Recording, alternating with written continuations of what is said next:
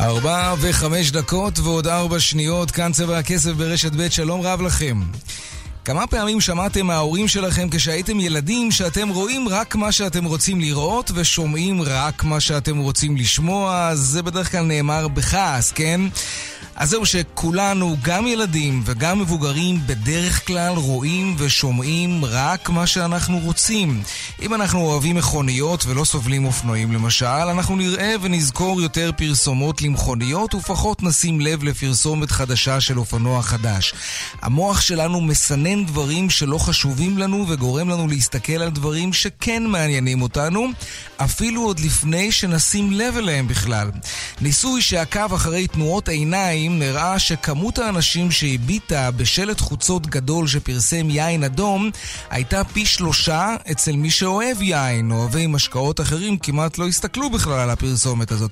טוב, זה ברור, למה שאני אביט בפרסומת למוצר שלא מעניין אותי? מה כל כך מפתיע בזה? אז זהו שאנחנו מסננים פרסומות מבלי שאנחנו יודעים מה הפרסומת מפרסמת בכלל. ואנחנו גם מביטים בפרסומת מבלי שאנחנו יודעים מה יש בה לפני שאנחנו מסתכלים עליה. איך זה קורה? Mm.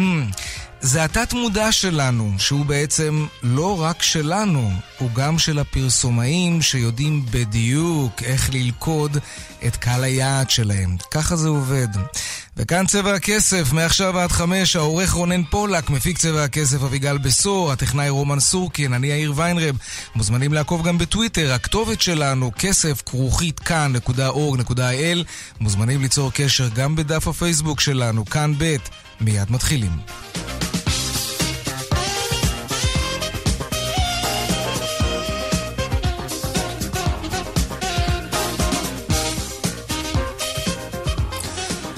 פותחים בכמה מכותרות היום בצבע הכסף. בכניסה לירושלים, ליד גשר המיתרים, הפגינו היום העובדים הסוציאליים במחאה על האלימות נגדם. קודם לכן הפגינו העובדים הסוציאליים גם בצומת עזריאלי בתל אביב. מנסים לשבור אותנו, מנסים להכשיל את המאבק שלנו, מנסים לגרום לנו שלא לדרוש את מה שמגיע לנו, אבל אנחנו לא ניתן לזה כך זה נשמע היום באחת ההפגנות. העובדים הניפו שלטים שנכתב עליהם בין היתר חיים כץ תתעורר, דמנו לא הפקר. העובדים אינם מקבלים היום קהל בכל הלשכות, חוץ ממרכזי החוסן בעוטף עזה כמובן. ההחלטה שאפשר אה, לכנותה דרמטית שמקבל היום נציב תלונות הציבור על השופטים, שופט בית המשפט העליון בדימוס אליעזר ריבלין, הוא יוצא נגד המסורת שהשתרשה במשך שנים בבית הדין הארצי לעבודה, ולפי המסורת הזאת הוא מקיים ניסיונות פישור וגישור בין הצדדים לסכסוך קיבוצי. אין לכך כל סמכות בחוק, קובע ריבלין, תפסיקו עם זה, נדבר על זה עוד מעט. בנק ישראל הודיע שלא ירכוש יותר דולרים כדי לחזק את המטבע האמריקני. מה יהיה על היצואנים שסובלים מהדולר החלש? מי יעזור להם עכשיו? דיון סוער בוועדת הכלכלה על נפלאות רכבת ישראל בקו לירושלים. יושב ראש הוועדה, איתן כבל, אומר שצריך ועדת חקירה כדי להבין מה קורה שם. בית המשפט קבע שזייפני שטרות של כסף חשופים לתביעה אזרחית מצד בנק ישראל על הפרת זכויות יוצרים מעבר לדין הפלילי על עצם הזיוף. פסיקה מעניינת, נדבר עליה עוד מעט, ובכלל, כמה שטרות מזויפים יש בישראל. תרמתם כסף השנה? יפה. כל הכבוד. האם ידעתם שאפשר לקבל החזרי מס על תרומות כאלה שתרמתם? לא צריך להיות טייקון כדי לקבל הטבות מס על תרומות, החזרים, עוד מעט כל הפרטים. והפינות הקבועות שלנו כמובן, הדיווח מהבורסות בעולם, וכמובן, חיות כיס בסביבות 4 ו-30. אלה הכותרות, כאן צבע הכסף. מיד ממשיכים.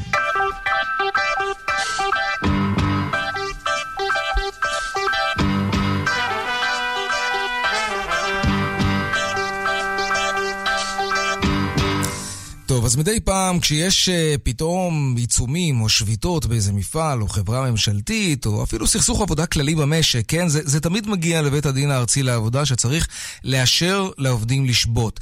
בדרך כלל מה שקורה זה שבית הדין משמש כמו סוג של מגשר כזה, וזה טוב לשני הצדדים, כי בדרך כלל שני הצדדים מטפסים על עץ מאוד גבוה והם רוצים לרדת ממנו.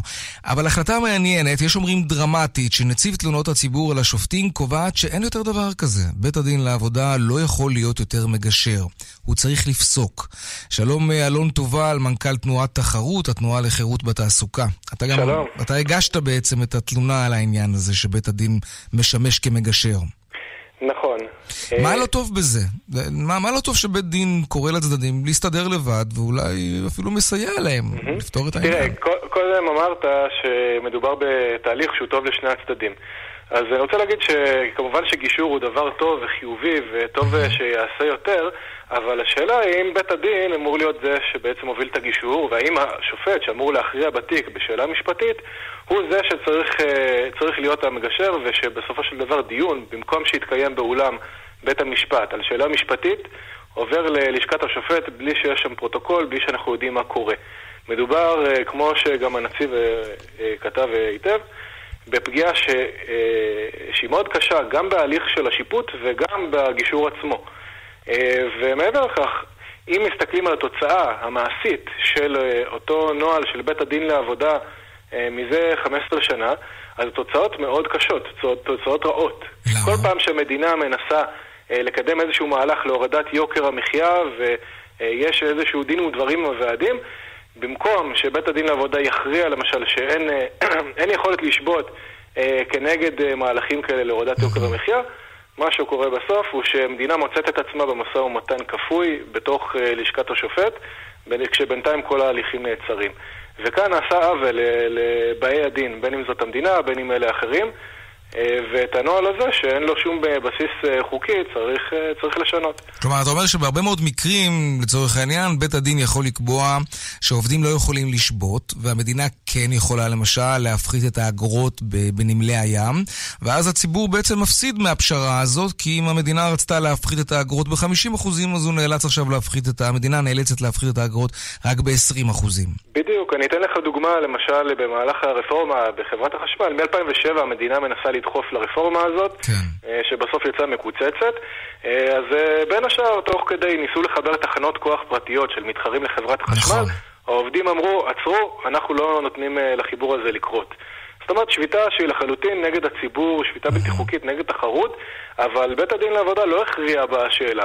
הוא אמר, אתם יודעים מה, במקום שאתם תריבו, נעשה הליך של גישור. בתוך, בתוך הלשכה. עכשיו, לא מדובר באמת בהליך גישור, מדובר בניצול של, ה, אה, של הגישור הלא תקין הזה לטובת, אה, שהוא פועל בעיקר לטובת אה, אותה קבוצת לחץ שמנסה לעצור את המהלך. אז למה המדינה לדעתך, אם כבר נתנו דוגמאות לסכסוכים קיבוציים, כן, סכסוכים כלליים במשק, למה המדינה מוותרת? כלומר, היא תמיד יכולה להגיד, אני לא מעוניינת בהליך של גישור, אני רוצה שכבוד השופט יכריע האם אני יכולה לבצע את הרפורמה הזאת או לא יכולה. אז יש פה בעיה בעצם גם אצל, נדמה לי, אצל המדינה שהיא מוכנה ללכת לקראת הליך אז, של אז אני אגיד גישור. לך, משום שהנושא של, אה, של התנהלות של המדינה מול בתי הדין לעבודה זה משהו שאני מתעסק בו כבר אה, משהו כמו שלוש שנים, אז אני בהתחלה גם חשבתי כך, ואמרתי, אוקיי, אז המדינה צריכה לתבוע שיינתן פסק דין. בדיוק. זה הכל, אבל המצב הרבה יותר מורכב, והאמת היא שהמדינה ניסתה לעשות את זה, למשל ב-2013 בנמלים, המדינה ניסתה לקבל פסק דין, אבל בית הדין לעבודה חייב אותה עדיין להיות בתוך ההליך הזה, ואני רוצה להזכיר דבר חשוב. כשאתה נמצא מול שופט, שאומר לך, בואו תיכנסו להליך גישור אצלי בלשכה מולי, ואתה בא ומסרב לו, אז אה, אתה לא במצב טוב כל כך כשאתה רוצה לקבל ממנו את פס- את פסק הדין. זאת אוקיי. אומרת, יש פה שימוש לרעה בכוח של השופט, בכוח ההכרעה שלו, אה, על מנת להכניס את, ה... את מי שהוא רוצה לתוך הליך של תיווך, שלא בהכרח צריך לקרות ושאחד הצדדים לא רוצה בו. אה, ולכן צריך לפתח מוסדות אחרים, וקיימים מוסדות אחרים, כמו ממונה על יחסי עבודה, שהם יהיו אלה שיתווכו או מגשר מטעם בית הדין. מה שלא ייתכן הוא שאותו שופט שאמור להכריע יהיה זה ש... שגם אה, כופה על הצדדים את ההליך הזה. אלון תובל, מנכ"ל תנועת תחרות, התנועה לחירות בתעסוקה. תודה רבה, ערב טוב. תודה, אני מודה לך. עכשיו לעניין הבא שלנו. מאז אה, אוגוסט 2009, לפני תשע שנים, בנק ישראל מתערב בשוק מטבע החוץ, ובכל פעם שהדולר נחלש מדי, כן, אז בנק ישראל רוכש הרבה דולרים כדי להגביר את הביקוש ולחזק אותו, להעלות את הערך של המטבע האמריקני. למה בנק ישראל עושה את זה בכלל? כי... כשהדולר חלש מדי, זה פוגע מאוד בתעשייה הישראלית. אנחנו משק מוטה ייצוא, זה פוגע ביצואנים. כי נגיד שהם מוכרים סחורה בחו"ל, כשהדולר חלש, אז הם מקבלים פחות שקלים על כל דולר שהם קיבלו שם בחו"ל, ואז זה פוגע בהכנסות שלהם, כי הם קיבלו כאמור פחות שקלים. אז בנק ישראל היה מסייע, קונה הרבה דולרים, מעלה את הערך של הדולר, ואז במקום, נגיד, סתם, בתור דוגמה, לקבל שלושה שקלים ועשרים אגורות לדולר, אז היצואנים היו מקבלים שלושה שקלים וחצי לדולר, וזה כמובן מאוד משמעותי. היום בנק ישראל הודיע שהוא מפסיק עם העניין הזה. אין יותר רכישת אה, דולרים, אין יותר רכישה של מטבע חוץ. שלום יוסיף ריימן, מנכ"ל אה, פריקום. שלום, שלום. למה להפסיק עם משהו כל כך חשוב, ואיך זה קשור למאגרי הגז הגדולים של ישראל? אז בואו נעשה אולי טיפה סדר. אה, אמרת מאוד נכון, בנק ישראל מ-2009, למעשה הנגיד הקודם, הפרופסור סטנלי פישר, הבין שכדי לייצב את אה, שוק המטח המקומי וכדי לשמור על תנאי הסחר ושהייצוא הישראלי יוכל אה, לבחור בתנאים טובים בעולם, הוא צריך למעשה להתערב בשוק. ולכן הוא התערב וקנה מטח. ב-2013, כשהתחיל למעשה הסיפור של זרימת הגז, אז לבנק ישראל נוצרה בעיה נוספת, וזו העובדה שבמקום לקנות מטח כדי ללכת ולקנות עם זה חומרי דלק, למעשה יכולנו לשלם בשקלים עבור אותו הדלק. Mm-hmm. ואז זה יצר מצב שפשוט בשוק קנו פחות אה, דולרים. שוק המטח הוא בדיוק כמו שוק העגבניות. פחות קונים, המחירים לא עולים. ברור. ולכן בנק ישראל היה צריך להתערב, זה מה שבעצם הוא עשה, זה היה מעשה נכון. וזה למעשה סיפק כל התקופה עד עכשיו את הביקוש העודף, הוא קנה בסדר גודל של כ-13 מיליארד דולר, שזה בהחלט הרבה מאוד כסף, וזה בעצם הביא לנו חלק מאותו התהליך של הפיחות, אה, נאמר, היציב, אורך זמן שהיה. עכשיו, אם אנחנו מחפשים למעשה סיבה, אז בנק ישראל בא ואומר, היות והולכת להיות עכשיו תוכנית, שבמסגרתה אנחנו בעצם נקנה מטח כחלק מהעודפים של הגז, כחלק מאותם הכספים שהמדינה הולכת לקבל, אז למעשה התוכנית שלי מיותרת. אז זה מספיק בעצם, כי אם אנחנו נקנה בעודפים של הגז מטח, אז זו אותה פעולה, כן, אוקיי. בדיוק, אותה פעולה תהיה כרגע באמצעות הקרן. מ-2019 למעשה יהיה קניות שהמדינה תקנה, ובהיקפים הרבה יותר גדולים ובצורה מתוכננת, כאשר ההתערבות פה ושם שבנק ישראל עושה היום, בניגוד להתערבות המאוד משמעותית שהייתה בשנים העבר, אבל היום ההתערבות של בנק ישראל מבחינת סכומים הם לא סכומים גדולים. הוא קונה אומנם במצטבר סכומים של כמיליארד וחצי דולר מדי שנה בשנתיים האחרונות. אבל בסך הכל, אם אנחנו נסתכל, המעבר לתוכנית החדשה בעצם זה חלופה. עכשיו, את ההתערבויות שאנחנו הכרנו מ-2009, אותן ההתערבויות שבנק ישראל נכנס פנימה וקונה בעצם מטח, כחלק מהתוכנית למנוע את האיסוף, את זה הוא שומר, זה כלי מאוד מרכזי. בתוך ארגז הכלים של בנק ישראל, ואת זה הוא ימשיך להשתמש כמובן. אבל במידת הצורך, הרבה פחות. כן, כאשר יהיה איסוף, כאשר אנחנו נראה תהליך שיש לנו עודפי מטח זורמים לשוק המקומי, ואנחנו נראה את השערים יורדים למטה, ובנק ישראל יחשוב שהשער הוא בעצם שער שפוגע בתנאי הסחר של הייצוא הישראלי. אז זה לא שהם... הוא יוכל להתערב חזרה ולקנות. אז זה לא שהם בעצם עזבו את התורה הזאת, את הדוקטרינה הזאת לחלוטין, היצואנים לא צריכים לדאוג, זה בדיוק. משהו שבעצם ייעשה באמצעים אחרים. נכון מאוד, הוא סך הכל מה שהוא עשה, הוא סך הכל הלך ועשה פעולה נקודתית כדי להקטין למעשה את הפעילות בתחום הגז. צמצם את הפעילות בתחום הגז, הוא למעשה לא ביטל אותה, היא תיכנס חזרה, ב-2019 הוא יפסיק את ההתערבויות, אבל למעשה אותו קרן עושר, אותם הכספים שמיועדים לרכישת מטח, יחזרו חזרה דרך המסגרת של אותה הקרן, במקום שבנק ישראל יעשה את העבודה בעצמו. יוסיף ריימן. מבחינת תחומים, מבחינת ביקוש למטח, אנחנו יכולים להיות שקטים, בנק ישראל ימשיך להיות על המשמר. וימשיך לקנות מטח כחלק מהמדיניות שלו, כמו שאמרנו, זה כלי מאוד מרכזי בתוך ארגז הכלים שלו. כן. יוסיף ריימן, מנכ"ל פריקו, תודה רבה. תודה, תודה. ועדת הכלכלה אה, דנה היום אה, בבלגן בקו הרכבת לירושלים. יושב ראש הוועדה איתן כבל גם אמר שצריך ועדת חקירה כדי להבין מה קורה שם בדיוק. שלום שרון עידן, כתבנו לענייני תחבורה. כן יאיר, היום אה, ישיבה מיוחדת של ועדת הכלכלה. איתן כבל מכנס אותה בעצם בעניין הקו בין ירושלים לתל אביב, כרגע עד נתב"ג, אבל בעתיד לתל אביב, וכמובן כמות התקלות הגדולה בו. בעצם מה שעולה מהישיבה הזו זה שגם עכשיו כשלושה חודשים לאחר שהקו החל אה, לפעול, עדיין רחוקה הדרך כדי לראות אותו מגיע לעבוד בצורה, נאמר, נורמלית ורגילה. ההערצה עדיין אה, נמשכת. נזכיר שבחודש הבא ככל הנראה היא הייתה אמורה להסתיים וגם היו אמורים להתחיל לשלם על הנסיעה, אבל הדבר הזה כנראה התעכב. גם לעניין הקרונות שאמורים היו להגיע, הדבר הזה ייקח עוד הרבה מאוד חודשים, ולכן קרונות אחרים מנקודות אחרות בארץ, בעיקר בצפון, הורדו לטובת הרכבת אה, הזו.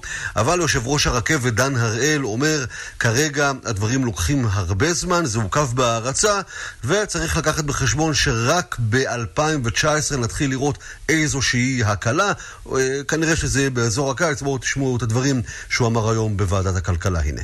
האנשים האלה שלא מצליחים לנסוע לעבודה שלהם עוברים לרכבת. זאת האופציה היחידה של אמצעי תחבורה שלא עובר דרך כביש סלול. ומה שקורה ברכבת בשנים האחרונות הוא חסר תקדים. בשנת 2014 לרכבת היו 98 מערכים, קטר, קרונות, וקרון יהוק, ונסעו בה 181 אלף איש. בשנת 2018 לרכבת יש 94 מערכים, ונסעו בה 291 אלף איש. על אותה כמות של קרונות, מערכים, כמעט הכפילו את כמות האנשים. מה מתפלאים שיש כאלה עומסים? וזה ילך ויחמיר בכל מקרה, איתן כבל מדבר uh, על כך שהוא פנה גם למבקר המדינה ואומר שצריך יהיה, uh, לדעתו, להמשיך ולחקור את הדברים האלה גם ברמה הזאת. הוא אומר אפילו במהלך הדיון שזה דורש ועדת חקירה ממלכתית, לא פחות uh, מכך. אין ספק שזה ימשיך להיות מעניין. אנחנו כמובן נמשיך לעקוב גם אחרי הוועדות הבאות בנושא הטעון הזה של הרכבת, הכאוס התחבורתי, וכמו שכבל uh, כינה את זה, פרשה שיותר גדולה גם מהנדל"ן וגם מהצוללות. התחבורה בישראל. שרון עידן, כתבנו לענייני תחבורה, תודה רבה, ושלום אייל טל, יושב ראש הקבוצה החברתית נפלאות הרכבת, שלום לך. היי, צהריים טובים. עד כדי כך, ועדת חקירה, לא, לא קצת הגזמנו, בכל זאת קו חדש, ללא עלות לצרכן, סוג של הרצה, באמת, ועדת חקירה? אני חושב שלא צריך להקל ראש במילים המאוד מאוד אה, קשות האלה ועדת חקירה, אני חושב שלהפך צריך להכביר ולדרוש אפילו יותר.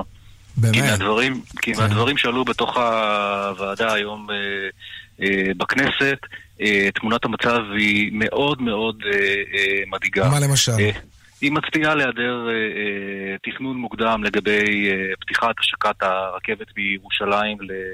לתל אביב, אה, דברים אה, שנחשפו במהלך הדיון מצד מי שהיה מנהל בחברת סמי, החברה שמקימה את הקו לירושלים, ובעצם פרט אחד לאחד מחדלים שלטענתו הוא ראה בעיניו בקו של מנתב"ג לירושלים, שרק כל אחד מהסעיפים האלה לבדו אמור uh, להדליק לא רק נורות אדומות, אלא ממש פרוז'קטורים אדומים uh, מצד כל הגורמים שאמורים לבדוק איך דבר כזה יכול לקרות. דוגמאות, מה למשל?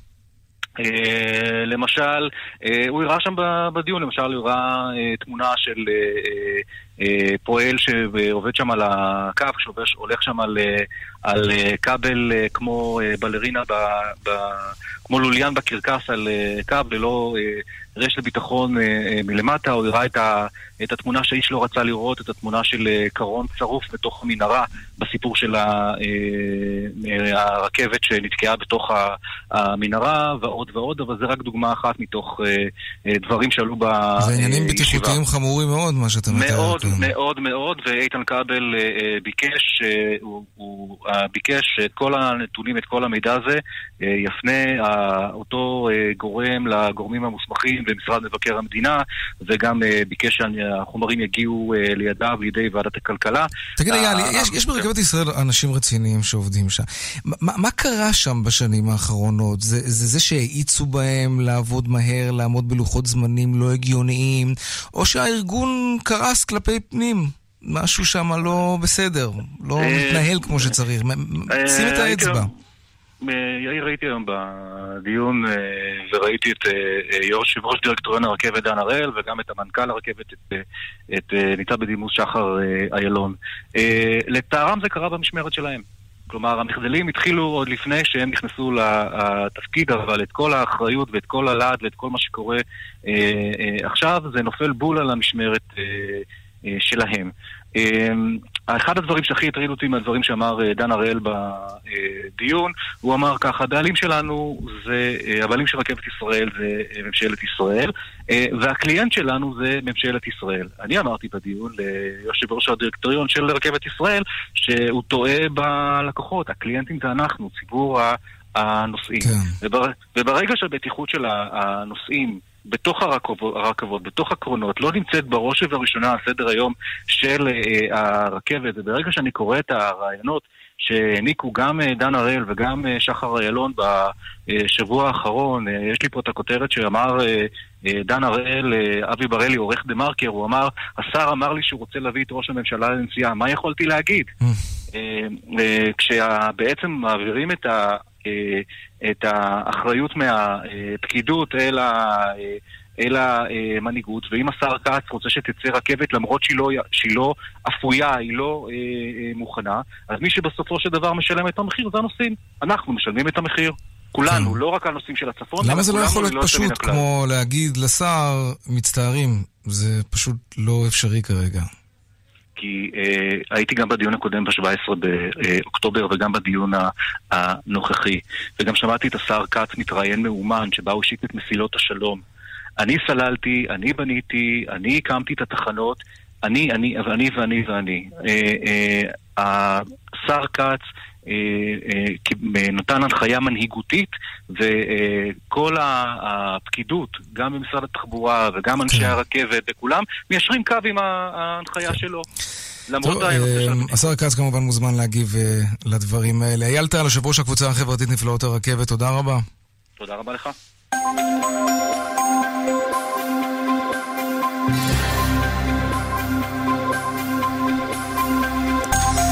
ואלו הם הדיווחים מכאן, מוקד התנועה, בדרך 6 צפון, העומס ממחלף נשרים עד מחלף בן שמן וממחלף קסם עד מחלף אייל, דרומה יש עומס ממחלף נחשונים עד בן שמן. באיילון צפון העומס תנועה ממחלף חולון ומקיבוץ גלויות לסירוגין עד גלילות. דרומה יש אה, עומס ממחלף רוקח עד לגוארדיה וממחלף חולון עד דוב הוז בגלל תאונת דרכים. וביציאה מירושלים עמוס מגינות סחרוב וממנהרת הארזים עד מחלף הראל. דיווחים נוספים בכאן מוקד התנועה כוכבי 9550 ובאתר כאן. מיד חוזרים עם יאיר ויינרב. חברות וחברים בהסתדרות, יכול להיות שעוד לא הצטרפתם למועדון ביחד בשבילך? עכשיו הוא הזמן. הצטרפו למאות אלפי החברים שכבר נהנים מהנחות ומהטבות ברשתות ביגוד, מזון, ספרים, הנהלה ובמסעדות, מאירועי תרבות ומסרטים בעשרה שקלים. תוכלו גם ליהנות מתוכנית ביטוח תרופות שאינם בסל חינם למחזיקי כרטיס האשראי החינמי של המועדון. ביחד בשבילך. כפוף לתקנון, להצטרפות חינם חפשו בגוגל ביחד בשבילך. זה כבר ידוע, האינטרנט חלום, ודבר אחד בטוח, שהוואי-פיי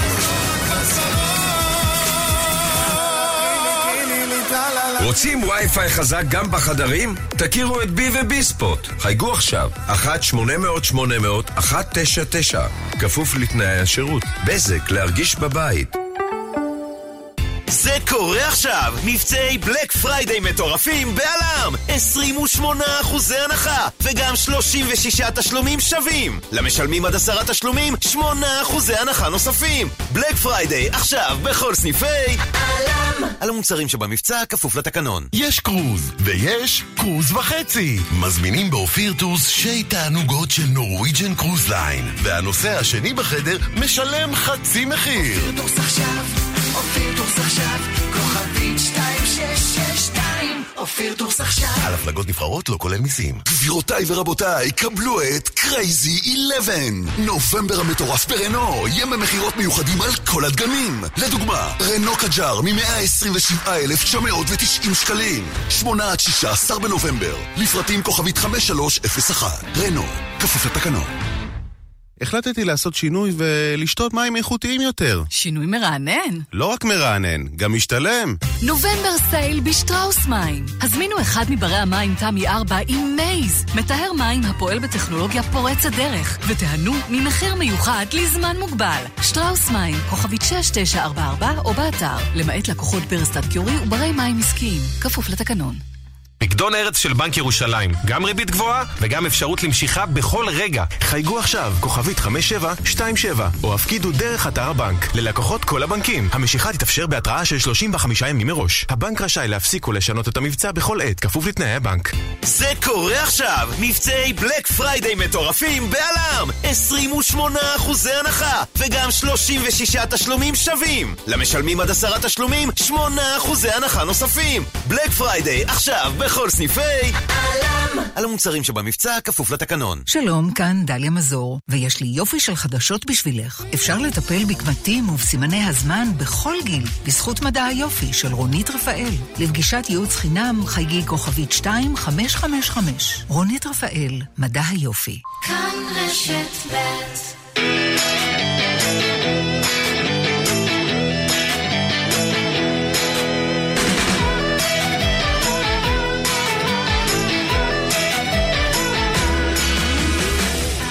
חיות כיס עכשיו, אתם שואלים, חיות כיס עונות, אפשר לשאול בטוויטר, השטג חיות כיס ללא רווח, וגם בדואל שלנו, כסף שטרודל כאן.org.il. והיום שאלה של רונן, ורונן שואל כך, שמתי לב שלא מעט קבלנים ויזמים קוראים לבניינים שהם בונים על שמם, מגדלי עזריאלי זה הדוגמה המפורסמת ביותר, אבל לא רק הוא. שאלתי לחיות כיס היא מעבר כמובן לחוסר הצניעות שיש בכך, כי זה לא קשור, האם כל בן אדם שבונה בניין יכול לקרוא לבניין הזה באיזה שם שהוא רוצה? הרי כשמדובר בשמות של רחובות או כיכרות, יש ועדת שמות שאמורה לבחון את הנושא ברצינות, ודווקא כשמדובר במגדלים או, בניינים, או בניינים, כל אחד יכול לעשות מה שבא לו, רק כי הוא הקבלן. מה זה הדבר הזה? שואל רונן. שלום צליל אברהם, מגישת חיות כיס, שבשל צניעותה לא קראה לפינה הזאת על שמה. כל הכבוד. שלום יאיר, דווקא. זה רעיון. נכון. אז ככה, אה, באמת יש בשנים האחרונות המון שכונות ב- אה, בהרבה ערים, בהרצליה, בנתניה, בתל אביב, שרואים עליהם ככה שלט, כל מיני, אתה יודע, גינדי ודמרי וכזה, על, ה- על נכון, החלק העליון כן. של הבניין. והאם זה מותר? אז תראה, זה אפילו לא, אה, רונן שאל, האם מותר לכל אחד שבונה בניין לקרוא לבניין הזה איך שהוא רוצה? זה אפילו לא הבניין שלו. זאת אומרת, נכון, הוא זה הבניין של הדיירים, הוא. בנה והלך. נכון. אז התשובה היא שזה פשוט איזושהי פרצה שיזמים מצאו בחוק כדי לפרסם את עצמם בחינם. אין חוק בעניין הזה, כי עד לא מזמן אף אחד לא נדרש אליו, כי אף אחד לא חשב שמישהו שבונה בניין יהפוך א' לכזה מותג, וגם ישים את המותג הזה על החלק העליון של הבניין. רגע, אם אני ועד הבית ואני לא רוצה יותר את השם של הקבלן. יפה, למעלה. אז זה מה שקרה. אה, הפעם הראשונה, אני חושבת שזה קרה, היה שנה שעברה בשכונת המשתלה בתל אביב, ששם גם הקבלן אה, אה, שם שלט מאוד גדול.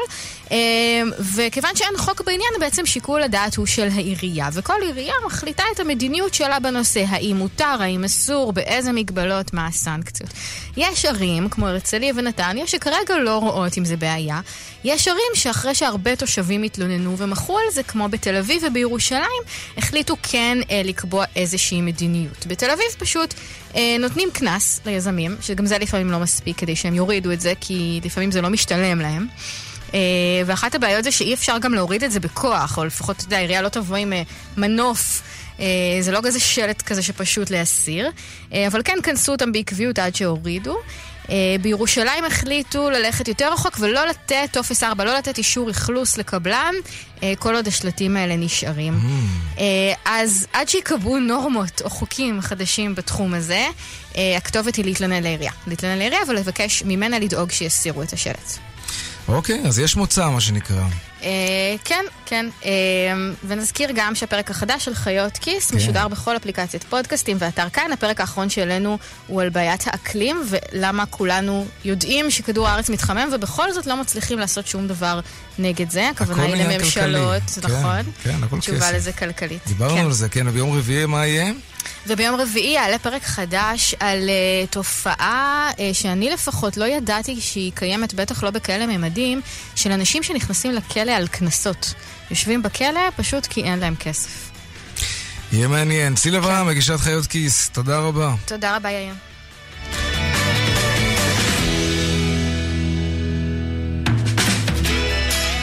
שלוש פעמים, ב...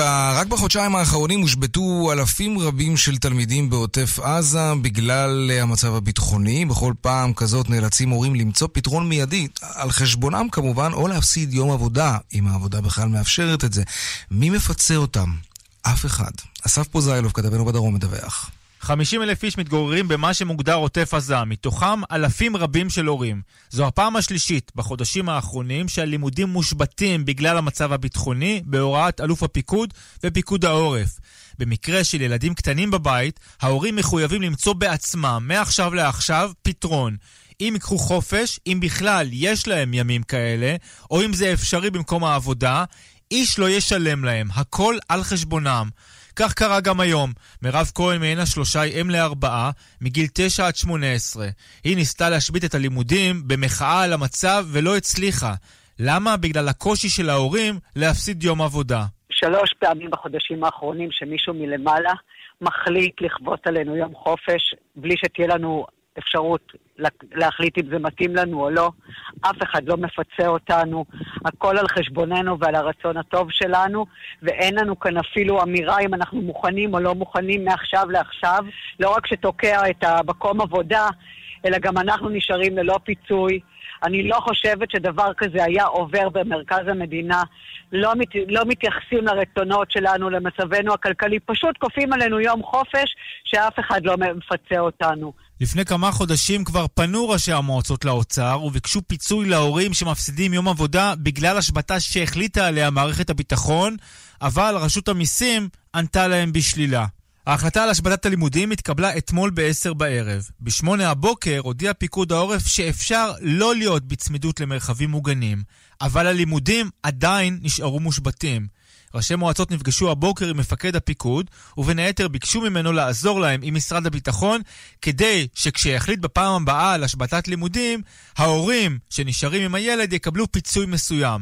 הנה ראש מועצת חוף אשקלון, יאיר פרג'ון. את הלקונה הזאת אה, צריך לפתור. אנחנו ישבנו היום אה, פורום ראשי הרשויות של עוטף עזה, רשמנו לנו את הנקודה ואנחנו בדרכנו אה, לדבר עם מנכ"ל משרד ראש הממשלה, יחד עם שר הביטחון, להעלות את כל ההיבטים הללו כדי שהתושבים לא יצאו נזוקים כאשר אה, ישנה החלטת אלוף אה, בסוג של אה, השבתת הלימודים כפי שקרה היום.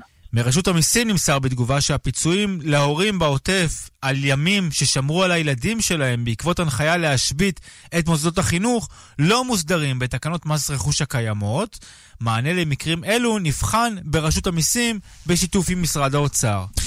העניין הבא שלנו, האם זייפני שטרות, שעוברים עבירה פלילית כמובן, יהיו מעכשיו חשופים לא רק לדין הפלילי, אלא גם לתביעות אזרחיות על הפרת זכויות יוצרים? הרי העיצוב של השטרות שייך למישהו, לא? שלום ליאל קייזר, כתבתנו לענייני כלכלה. שלום יאיר. Uh, התשובה קצרה לשאלה שלך, אם uh, לשפוט לפי פסק uh, דין של בית משפט השלום uh, באשקלון מהימים האחרונים, כן. היא חד וחלק uh, כן. Mm. בנק ישראל, uh, סיפור המעשה הולך כך, uh, שני uh, ישראלים שהחליטו uh, לקפוץ על המציאה כשיצאו השטרות החדשים של 200 שקלים, שבנק ישראל uh, מאוד התגאה בכך שיש עליהם שורה של אלמנטים שאמורים להפוך את זה לקשה במיוחד uh, לזייף אותם, והחליטו uh, לקחת על עצמם את המשימה. הלאומית. ולזייף את השטרות של uh, כן. אלתרמן, אותו שטר חדש uh, של 200 שקלים. ממש בסמוך uh, ליציאת השטר החדש, הם הקימו uh, במפעל הזיופים שלהם גם פס ייצור uh, לשטר הזה, והתחילו uh, להפיץ שטרות מזויפים. כמובן, יאיר שמדובר בעבירה פלילית, עם כל הכבוד למשימה ברור. הלאומית, והם עמדו לדין וגם הורשעו בגין uh, זיוף כסף. עד כאן זה בסך הכל די סטנדרטי, אבל בא בנק ישראל uh, יחד עם פרקליטות המדינה והגיש כאן uh, תביעה שהיא uh, תביעה תקדימית. הם אפילו אומרים לנו שמדובר uh, בפעם ראשונה בעולם שהדבר הזה נעשה. מעניין. אני מודה שאני uh, לא עשיתי ככה משפט השוואתי. הגישו נגד הזייפנים תביעה uh, אזרחית, אזרחית בגין פגיעה כן. בזכויות היוצרים של uh, בנק ישראל. סוף המעשה הוא שהבנק ואחד הזייפנים הגיעו להסכם פשרה שלפיו הוא יודע, אה, כלומר זה לא, זה לא הליך פלילי, אבל הוא אה, יסכים אה, לשלם לבנק ישראל 150 אלף שקלים משום שהוא פגע בזכויות היוצרים של הבנק בכך שהוא זייף את השטר. מעבר לכך, בית המשפט גם פסק נגד שותפו של אותו זייפן. במקרה הזה היה מדובר בפסק דין שניתן בהיעדר הגנה, מה שאומר שבית המשפט פשוט קבע שאותו אדם יצטרך אה, לשלם אה, את יתרת אה, התביעה, סכום של 250 אלף שקלים, כלומר, בנק ישראל אמור להיות משופה בסכום של כמעט חצי מיליון שקלים על הפרת זכויות היוצרים שלו. אולי נצרף לשיחה את רועי גרוס ממחלקת המטבע של הבנק, שיוכל לספר לנו בעצם על איזו כן. הפרה של זכויות יוצרים בעצם שלום מדובר. רועי. אחר צהריים טובים. זה תמיד עניין מאוד מאוד מסעיר, כן? כסף, זיופים, עולם תחתון, עד כמה שזה קורה אצלנו אה, בכלל. וזה, האמת, בוא נתחיל עם זה. כמה זה נפוץ אצלנו, זיופים של שטרות? אז uh, למעשה אנחנו באמת מזהים איזושהי ירידה בתופעת uh, זיופי השטרות בשנה האחרונה. התופעה, השטרות במדינת ישראל הם שטרות בטוחים מאוד, אין לנו איזושהי בעיה חריגה של uh, זיופים, uh, בטח בהשוואה למדינות אחרות בעולם, אבל יחד עם זה uh, צריך לזכור שבסוף uh, זיופי מטבע פוגעים בשכבות החלשות בחברה, ואנחנו uh, כשלוחי ציבור באמת עושים את המקסימום שאנחנו יכולים כדי להגן על הציבור מפני זיופי מטבע. אבל אתה לא יכול לאמוד ולומר לנו בכל זאת מה ההיקף של התופעה, איזה נזק זה גורם למשק. הנזק, עוד פעם, אנחנו, עוד פעם, השאלה של נזק היא, היא תלויה בכמה פעמים משתמשים במזויף.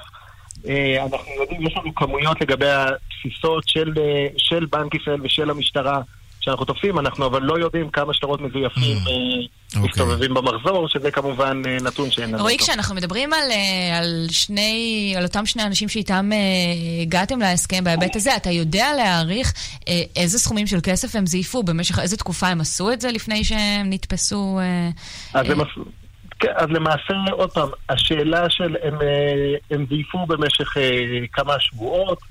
אה, עוד פעם, אנחנו יודעים את הכמויות, אני פחות רוצה להיכנס אה, לנושא הכמויות של למה? זה החלק המעניין.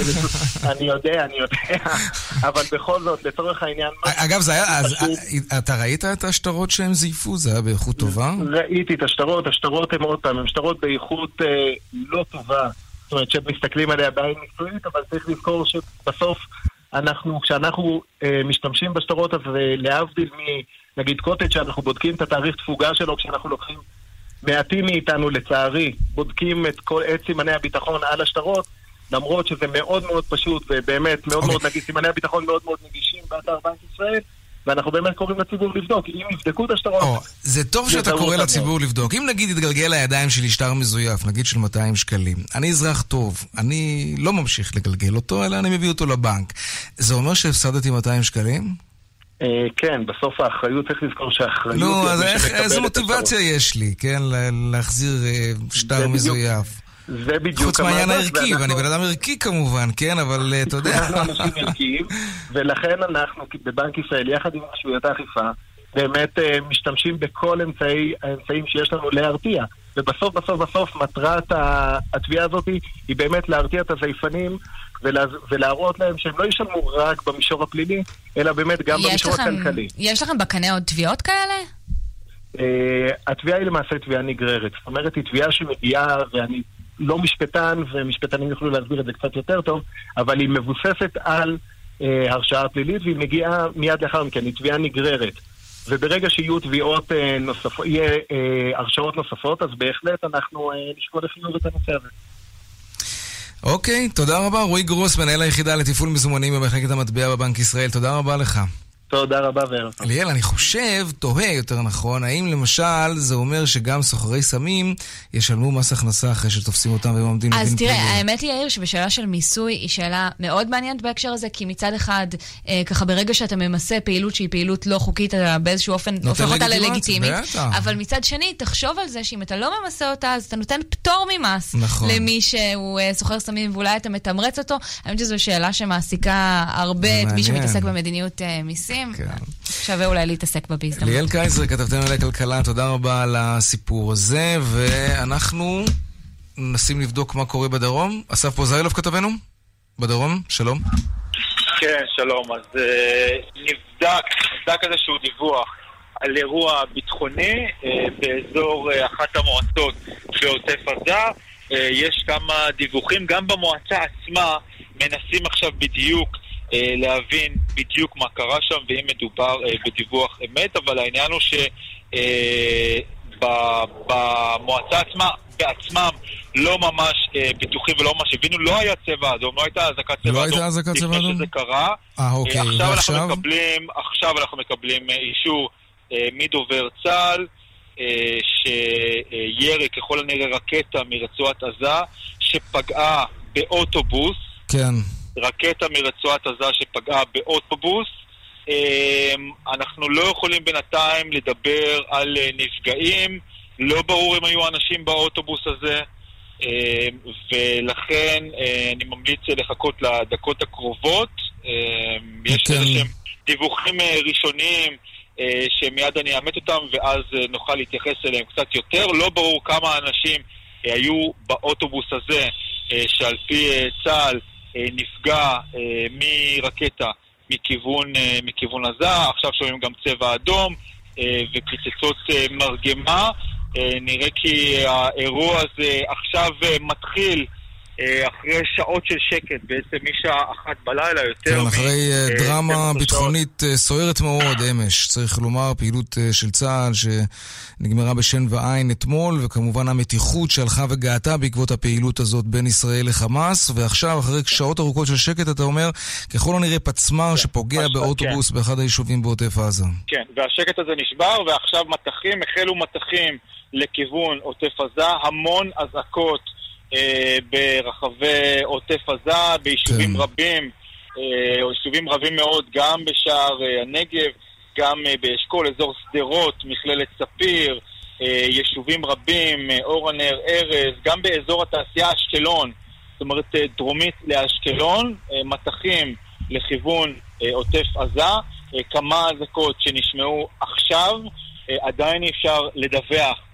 על, אה, על אה, נזק או על מספר רקטות, אבל כן אפשר לדווח על, אה, וזה בעצם הדיווח שבו פתחנו, על אה, רקטה שפגעה אה, באוטובוס באחד היישובים בשער הנגב.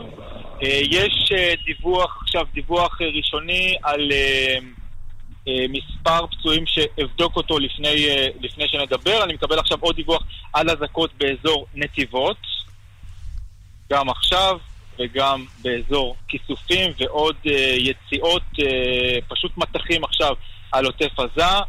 אה, תושבת אה, מנתיבה, השרה, שנמצא ממש על הגדר, ממש על הגדר עם מעבר אר- ארז, עכשיו העבירה דיווח על לפחות חמישה פצצות מרגמה שהתפוצצו, שהתפוצצו מעליה, מעל, מעל המושב.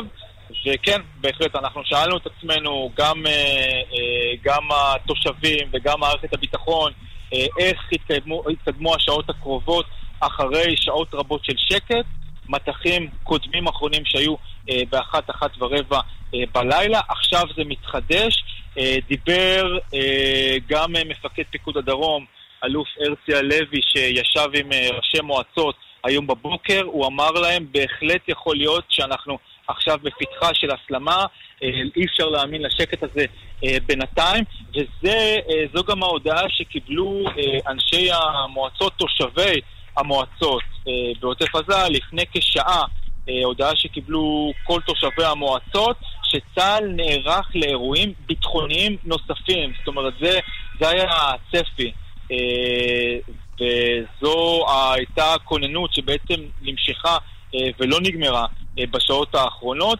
ההודעה שהתושבים קיבלו רק לפני אה, כשעה וחצי, אה, שעדיין אנחנו נערכים ויש סיכוי אה, טוב אפילו לאירועים ביטחוניים נוספים, לכן לא דיברו על חזרה לשגרה אה, מלאה. עכשיו אנחנו מדברים על, אה, על מטחים לכיוון עוטף עזה, גם לאזור נתיבות, לכיוון העיר נתיבות, צבע אדום באזור אה, נתיבות, מטחים רבים, אה, עשרות יישובים אה, שבהם נשמעה האזעקה, וכאמור, אה, גם אה, אותה רקטה שפגעה באוטובוס, לא ברור אם הוא היה ריק, כמה אנשים בכלל היו בו, אה, ואם יש פצועים, אני מציע שאני אתעדכן. אסף, כן, אנחנו אה, נחזור אליך שוב. אנא תבדוק מה מצבם של, אם היו פצועים בתקרית הזאת, פצמ"ר כאמור, פגע באוטובוס סמוך לאחד היישובים בעוטף עזה. יש אה, דיווחים לא מאומתים על אה, פצועים. אסף פוזיילוף, אם תוכל אה, לעדכן אותנו עוד מעט מה קורה, תאותת לנו, נעלה אותך לשידור. וזה קורה אחרי אה, שעות ארוכות של שקט, אחרי שאמש אה, בוצעה פעילות צבאית ישראלית בעזה, פעילות שהביאה למותו של קצין ישראלי ושבעה פלסטינים. כרמל מנשה, כתבתנו הצבאית בצבא, מטבע הדברים נערכו לתסריט הזה. נערכו, תגברו כוחות, תגברו, עיבו את uh, כיפת uh, ברזל, אנחנו מדברים עכשיו על כ-20 שיגורים בשדרות, ביישובים סמוכים uh, למועצה האזורית חוף אשקלון. מהירי הזה אנחנו לא מכירים uh, נפגעים, אבל נראו יירוטים uh, uh, בתוך, הדקות, בתוך הדקות האלה. כוחות רבים, כוחות צבא רבים נמצאים שם. יש פצוע קשה מפגיעת פצמ"ר באוטובוס בעוטף עזה, האירוע נמשך, עדיין לא פינו את הפצוע שנפצע. אה, כנראה קשה, אז אנחנו הפצוע לא פונה יודעים על בגלל, פצוע קשה, כן. בגלל כן, באוטובוס, בגלל, קודם לכן בגלל ירי רקטות, אה, הוא זעק מסוק אה, כדי לנסות לפנות אותו. יש כאמור שיג, שיגורים, יש שירותים של כיפת ברזל ומטחים שנמשכים גם בשעה זו. נבדק אם מדובר בטיל נ"ט ולא פצמ"ר שפגע באוטובוס, וכוחות צה"ל באמת נערכו, אה, תגברו את הכוחות, אה, תגברו את השטח גם בכוחות אה, של חיילים, וכאמור גם בכיפת ברזל. אחרי האירוע הזה הייתה תחושה שהנה הגיע בסופו של היום החמאס הכיל את האירוע הזה, ונראה שבכל זאת או החמאס או ארגונים אחרים כן, בוודאי עוד מוקדם מדי לקבוע מי עומד בדיוק מאחורי השיגורים בכל האלה. מקרה זה היה בוקר אה, מתוח אה, ויום מתוח, וכוחות הביטחון לא אפשרו ללכת אה, לבתי הספר היום. כן, מעבר אה, להיערכות המוקדמת לכך, אה, משהו שאומרים גורמי ביטחון בשעה הזאת, כשאנחנו רואים את האלימות חוזרת, אחרי שעות של שקט. אני מעריכה שבעוד כמה דקות אנחנו נשמע על ה... במהלך, היו, במהלך היום היו הערכות מצב, אני מעריכה שבשעה הקרובה, אה, או שכבר עכשיו החלו בהערכות אה, מצב כדי לקבל החלטה איך לפעול וכיצד להגיב על הירי הזה, שבוודאי תהיה אה, תגובה עליו, וזה בהחלט יכול להיות פתח להסלמה ול... אירועים אה, שיימשכו אה, כן, כרמל, אנחנו רואים עכשיו ממש בעבר. בשידור חי, בכאן 11, את אה, כתבנו איציק זוארץ, שמשדר בחי, סמוך אה, לכלי הרכב שלו. אנחנו יודעים שהוא משדר בדרך כלל מאזור באר שבע. אנחנו רואים שהוא ממש מוצא מחסה. כלומר, הנה, וגם כן, העשן הירי, מתעמר. הירי, יש מטחים שנמשכים כן, גם מטחים, בשעה זו. בלתי פוסקים ואזעקות. ש... כן. וזה באמת צריך לעורר אה, חשש מהסלמה, כי צה"ל לא יעבור לסדר היום זה... ומעבר לכך אנחנו מדברים על פצוע אחד קשה כתוצאה מפגיעה ישירה של פצמ"ר נ"ט באוטובוס. באוטובוס אה, בעוטף עזה, נ"ט. וזה חריג. אה, כי אה, אנחנו לא, אני לא זוכרת אירוע דומה בתקופה האחרונה, יש ירי לעבר, אה, אה, היה ירי לעבר אה, כלי רכב של צה"ל, או... אבל אה, לא לאוטובוס אה, אזרחי שנוסע בעוטף עזה, ויש אה, כן, אנחנו כמובן לא יכולים, מנסים, אה, לא יכולים לומר ל- בדיוק איפה האירוע הזה קרה, אבל טיל נ"ט, נ"ט זה משהו שמישהו מכוון ויורה בכינון ישיר. כלומר, ככל הנראה מדובר כאן באיזושהי חוליה פלסטינית שהתמקמה במקום... ותכננה, ש- ותכננה בדיוק את המערב הזה ותכננה, לאוטובוס. ואני רואה, אה, יש כוחות גדולים שהגיעו, הכוח, הכוח השטח האזור תוגבר בלוחמים של גבעתי, כבר אה, נערכו, לאפשר, נערכו לאפשרות הזאת, קיוו שהאירוע הזה יחלוף, אבל אני רואה ש... אה, צופה שבמהלך היום וגם אה, הלילה יימשכו חילופי האש, וצה"ל בוודאי או שיתקוף או שיגיב בדרך אחרת. אלה הדברים בשלב הזה, כשאנחנו ברקע עם ההלוויה של סגן אלוף מ' שנהרג שנהרג אה, אה, אתמול. אה. כן. אנחנו אה, ממשיכים לצפות בשידורי כאן 11 ורואים פשוט אל מול עינינו את הצוות שלנו, את כתבנו איציק זוארץ, שמוצא אה, מחסה כשמסביבו נוחתים כל הזמן אה, פצמ"רים, מטחים כבדים מאוד אל עבר אה, הנגב והנגב המערבי. אה, כיפת ברזל הצליחה ליירט כמה וכמה אה, שיגורים. כן, אבל פצצות מרגמה זה קצת יותר בעייתי. נכון. כן. אה, כיפת ברזל אמורה ליירט אה. רקטות. והאזעקות בעוטף עזה נמשכות גם אה, בשעה זו. גל ברגר, ראש התחום הפלסטינים שלנו, שלום. גל כן? יאיר, תראה, אנחנו דווחנו אה, רק אה, לפני משהו כמו רבע שעה על אה, כמה תקיפות אה, של אה, מוצבים לאורך אה, גבול הרצועה, אבל כרגע אנחנו לא מדווחים על אה, תקיפות משם. אה, אנחנו כן מקבלים שידורים חיים כרגע אה, מעזה, זה לא נראה שחיל האוויר פועל שם, לפחות לא בתמונות ובצילומים שאנחנו מקבלים משם כעת ממש בשידור חי. אה, אבל אני מזכיר שגם אה, ארגון ועדות ההתנגדות העממית, הדובר שלהם, אבו מוג'אהד, אמר שהם הודיעו אה, לכל המתווכים שמבחינתם האירוע לא נגמר ושהם יגיבו על האירוע הזה, ולאורך כל היום הזה הג'יהאד האיסלאמי באמצעות הדוברים שלו בעצם לחץ לתגובה של חמאס. חמאס, אה, אה, הייתי אומר, שמר על שתיקה אה, פחות או יותר לכל אורך היום, הזרוע הצבאית שלהם נמנעה בהודעה שהיא פרסמה אה, נמנעה מלפרסם איום ישיר בתגובת נקם, אבל הג'יהאד האיסלאמי כל הזמן האיץ בחמאס להגיב, לא להסתפק בשיגורים של אמש, אה, וזה מה שאנחנו רואים, אה, מה שאנחנו רואים ממש כרגע שקורה. אנחנו עוברים כרגע, עוקבים אחר הרשתות אה, של, אה, שמשדרות מעזה, אה, ערוצי טלוויזיה של חמאס, ג'יהאד איסלאמי, הם בעיקר מדווחים כרגע מה אה, מדווח כאן אצלנו בתקשורת הישראלית. אה, אבל אה, מעבירים מעזה שידורים חיים. נכון לרגע זה אנחנו לא מדווחים על תקיפות חדשות ברצועה, כפי שדווחנו לפני משהו כמו רבע שעה או קצת יותר. גל ברגר, ראש התחום הפלסטינים שלנו, תודה רבה. אם כן, פצוע קשה מפגיעה פגיעת טיל, פגיעה ישירה של טיל נ"ט באוטובוס סמוך לאחד היישובים בעוטף עזה. מיד אחרינו, כאן הערב, עם כל העדכונים והדיווחים, רן בנימיני ויגאל גואטה יהיו כאן, אנחנו נמשיך לעדכן על המתיחות בדרום. עד. כאן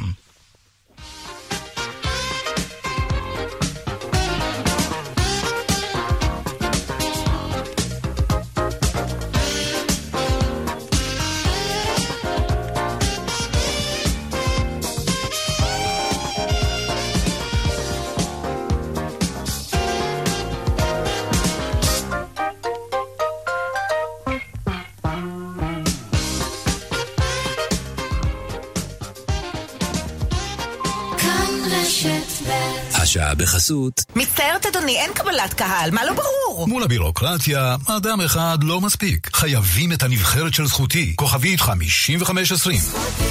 שירותנו משפטי. כל פעם אותו... הלו, קצת תרבות, חברים. האגודה לתרבות הדיור, איתכם, גם בייעוץ לגינון בלא עלות. חייגו עכשיו, כוכבית 8484, לחברי האגודה, כפוף לתקנון.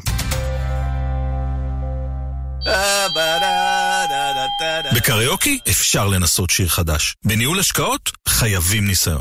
מיטב דש, ניסיון שמוביל קדימה. החורף מגיע, והאדם המצוי נכנס לתרדמת החורף. במקום לעשות ביטוח דירה בביטוח ישיר ולהיות מוגן, הוא נרדם בעמידה. יצור מרתק. מה קשור תרדמת? סתם זן שאנן. שקט, אתה עלול להעיר אותו. צודק. למה לעשות סיפור מביטוח דירה? מצטרפים לביטוח ישיר ונהנים מחודשיים מתנה בביטוח דירה. מבנה ותכולה. תשע לחמש ביטוח ישיר. איי-די-איי חברה לביטוח. כפוף לתקנון. גילה, שמעת? עכשיו בבית גיל הזהב תל אביב, דירת סטודיו רק ב-2,100 שקלים לחודש. מה? דירת סטודיו ב-2,100 שקלים לחודש ועוד בתל אביב. טוב, למה לחזור על כל דבר פעמיים? מבצע שצריך לשמוע פעמיים כדי להאמין. דירת סטודיו בבית גיל הזהב תל אביב, רק ב-2,100 שקלים לחודש למשך שנתיים. התקשרו עכשיו, כוכבית 5507, בית גיל הזהב תל אביב. כפוף לתקנון ובהתאם לתנאי המבצע. 2019 עדיין לא כאן, אבל קולקציית 2019 של מטבחי זיו, כן, מטבח חדש של זיו, בהזמנה מוקדמת ובמחירים מיוחדים, רק לחמישים הראשונים, כדאי למהר. כוכבי 9693, כפוף לתקנון. זיו, קולקציית 2019, באולמות התצוגה. תגידו ביי ביי ל-2018! סוגרים שנה בסיטרואן באירוע מכירות של פעם בשנה. מחירים והטבות מפתיעות, רק עד 16 בנובמבר. כוכבית 4989. סיטרואן. תגידו ביי למחיר הישן, ותגידו היי למחיר Black Friday של iRobot. iRobot Roomba דגם 980 ב-2,990 שקלים בלבד, במקום 3,690 שקלים. כן, 700 שקלים פחות, ודגמים נוספים בהנחות ענקיות. אל תחמיצו, לפרטים כוכבית 3055. iRobot, להשיג גם אצל המשווקים המורשים. המבצע כפוף לתקנון. סוף סוף סוף סוף סוף סוף שנה באלדן, ואתם נהנים מחגיגת הטבות על מגוון כלי רכב ובמחירים סוף! עכשיו, בכל סניפי אלדן. אלדן, נותנים את הנשמה. כוכבית 3003, כפוף לתקנון. בניהול השקעות חייבים ניסיון. מיטב דש, ניסיון שמוביל קדימה. מבצע שצריך לשמוע פעמיים כדי להאמין. דירת סטודיו בבית גיל הזהב תל אביב, רק ב-2,100 שקלים לחודש למשך שנתיים. התקשרו עכשיו, כוכבית 5507, בית גיל הזהב תל אביב. כפוף לתקנון ובהתאם לתנאי המבצע.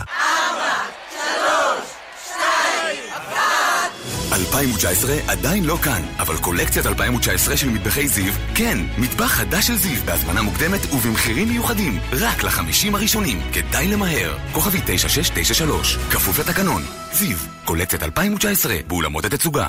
שלום, כאן ורדה רזיאל ג'קונט. לאחרונה נודע לי שסיסטיין, הטיפות ליובש בעיניים שאני ממליצה עליהן, הן גם המומלצות ביותר על ידי הרופאים והאופטומטריסטים בארצות הברית. כן, מניו יורק ועד טקסס, משיקגו ועד מסצ'וסט. העין יבשה? סיסטיין בבקשה. רן בנימיני ויגאל גואטה. כאן, אחרי החדשות. כאן רשת ב'